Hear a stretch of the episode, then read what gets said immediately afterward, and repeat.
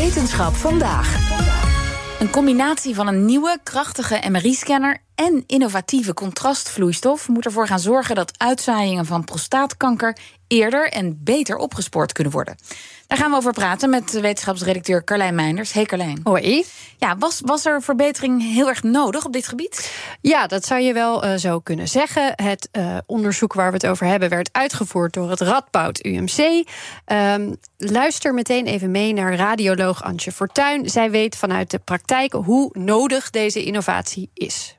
Op het moment dat ik nu een MRI van een prostaat bekijk, dan zie ik lymfeklieren zitten, maar kan ik er niks over zeggen. En het is natuurlijk fantastisch dat de verwachting is dat we nu over een paar jaar ook bij mijn klinische patiënten met dit contrastmiddel wel over die lymfeklieren wat kunnen zeggen. Ja, en wat er lukte met deze nieuwe techniek is veel beter vooral de kleine vertakkingen van de lymfeklieren in beeld krijgen. En dat is nodig om te kunnen zien of er uitzaaiingen zijn Mhm. en welke behandeling dan voor die patiënt het beste is. Geldt ook voor andere soorten kanker dat je dat van die lymfeklieren wilt weten.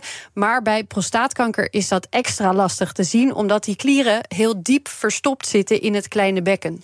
En om dat dan wel te kunnen zien, moest dus zowel de scan beter worden als het contrastmiddel. Ja, ja klopt. Uh, bijvoorbeeld dat nieuwe contrastmiddel, dat werkt heel bijzonder. Eigenlijk zorgt dat ervoor dat je de gezonde klieren niet Hm. ziet en de aangetaste klieren wel. In dat middel zitten magnetische ijzeroxide nanodeeltjes.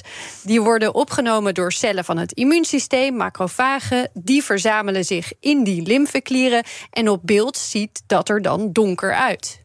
En de lymfeklier die aangedaan is door een uitzaaiing, ja, die heeft eigenlijk geen ruimte meer voor die macrofagen.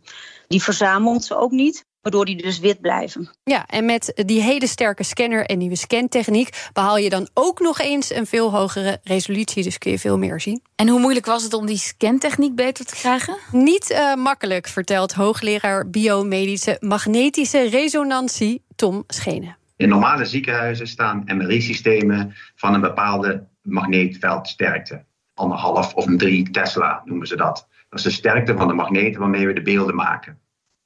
Nu hebben wij samen met een instituut in Essen in Duitsland de beschikking over een 7 Tesla MRI-apparaat. Dus dat is een veldsterkte veel hoger.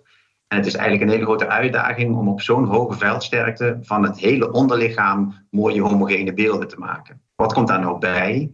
Normaal gesproken voor MRI moet je magneet zo, zo netjes mogelijk zijn. Dus het magneetveld wat door je lichaam gaat als je in een MRI-apparaat ligt, dat moet zo netjes mogelijk zijn. En die ijzerdeeltjes, die verstoren dat. Hmm, nou, los dat probleem maar eens op. Ja, ik zou niet weten waar ik moest beginnen. Uh, eigenlijk uh, waar het op neerkomt is dat de radiogolven die in zo'n scanner worden gebruikt bij een hoger magneetveld elkaar een beetje in de weg gaan zitten. Dan krijg je pieken en dalen in dat signaal die je dan weer moet gaan uitvlakken. En dat lukt ze nu dus in zo'n hele sterke scanner door op een specifieke manier die beelden vast te leggen. En dat is dan vooral voor patiënten met prostaatkanker goed nieuws. Ja, ja, in eerste instantie voor deze groep kun je dan dit beter zien. Welke patiënten primair gebaat zijn bij alleen maar lokale behandeling van de prostaat? Of welke patiënten misschien gebaat zijn uh, bij meteen een systemische behandeling. Dus ook bestraling op lymfeklieren erbij of zelfs uh, een andere therapie erbij.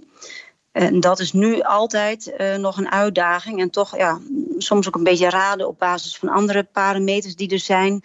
Uh, waar je het beste aan doet. En we hopen dat het hiermee veel gerichter kan worden. Ja, nu uh, wordt in een trial nog gekeken of het middel echt helemaal klaar is om op de markt te komen. Veiligheid wordt dan nog beter onderzocht. En of het in een grotere groep ook doet wat het moet doen. Maar dan zou het ergens eind volgend jaar mogelijk al in gebruik okay. genomen kunnen worden. En die MRI-scanners die staan al op meerdere plekken, ook in Nederland. Sommige wel van een ander merk dan in dit onderzoek is getest. Maar in principe zou de benodigde software voor die scantechniek wellicht met een paar aanpassingen door iedereen met zo'n scanner gebruikt kunnen worden. En kan het dan ook gebruikt worden voor andere ziektes? Ja, zeker. Daar is ook aan gedacht. We zijn ook al bezig om bij patiënten met andere soorten tumoren, bijvoorbeeld van de slokdarm, maar ook van de pancreas en in het hoofd-halsgebied, om daar te kijken of dat we met dezelfde manier eigenlijk ook al iets kunnen vertellen over of dat een dichtbij liggende klieren aangedaan zijn of niet. Ja, en eerste testen daarmee. Ze zijn, uh, zijn er ook al mee begonnen. Dat ziet er ook al heel erg positief uit. Wat goed. Dankjewel, Carlijn Meinders.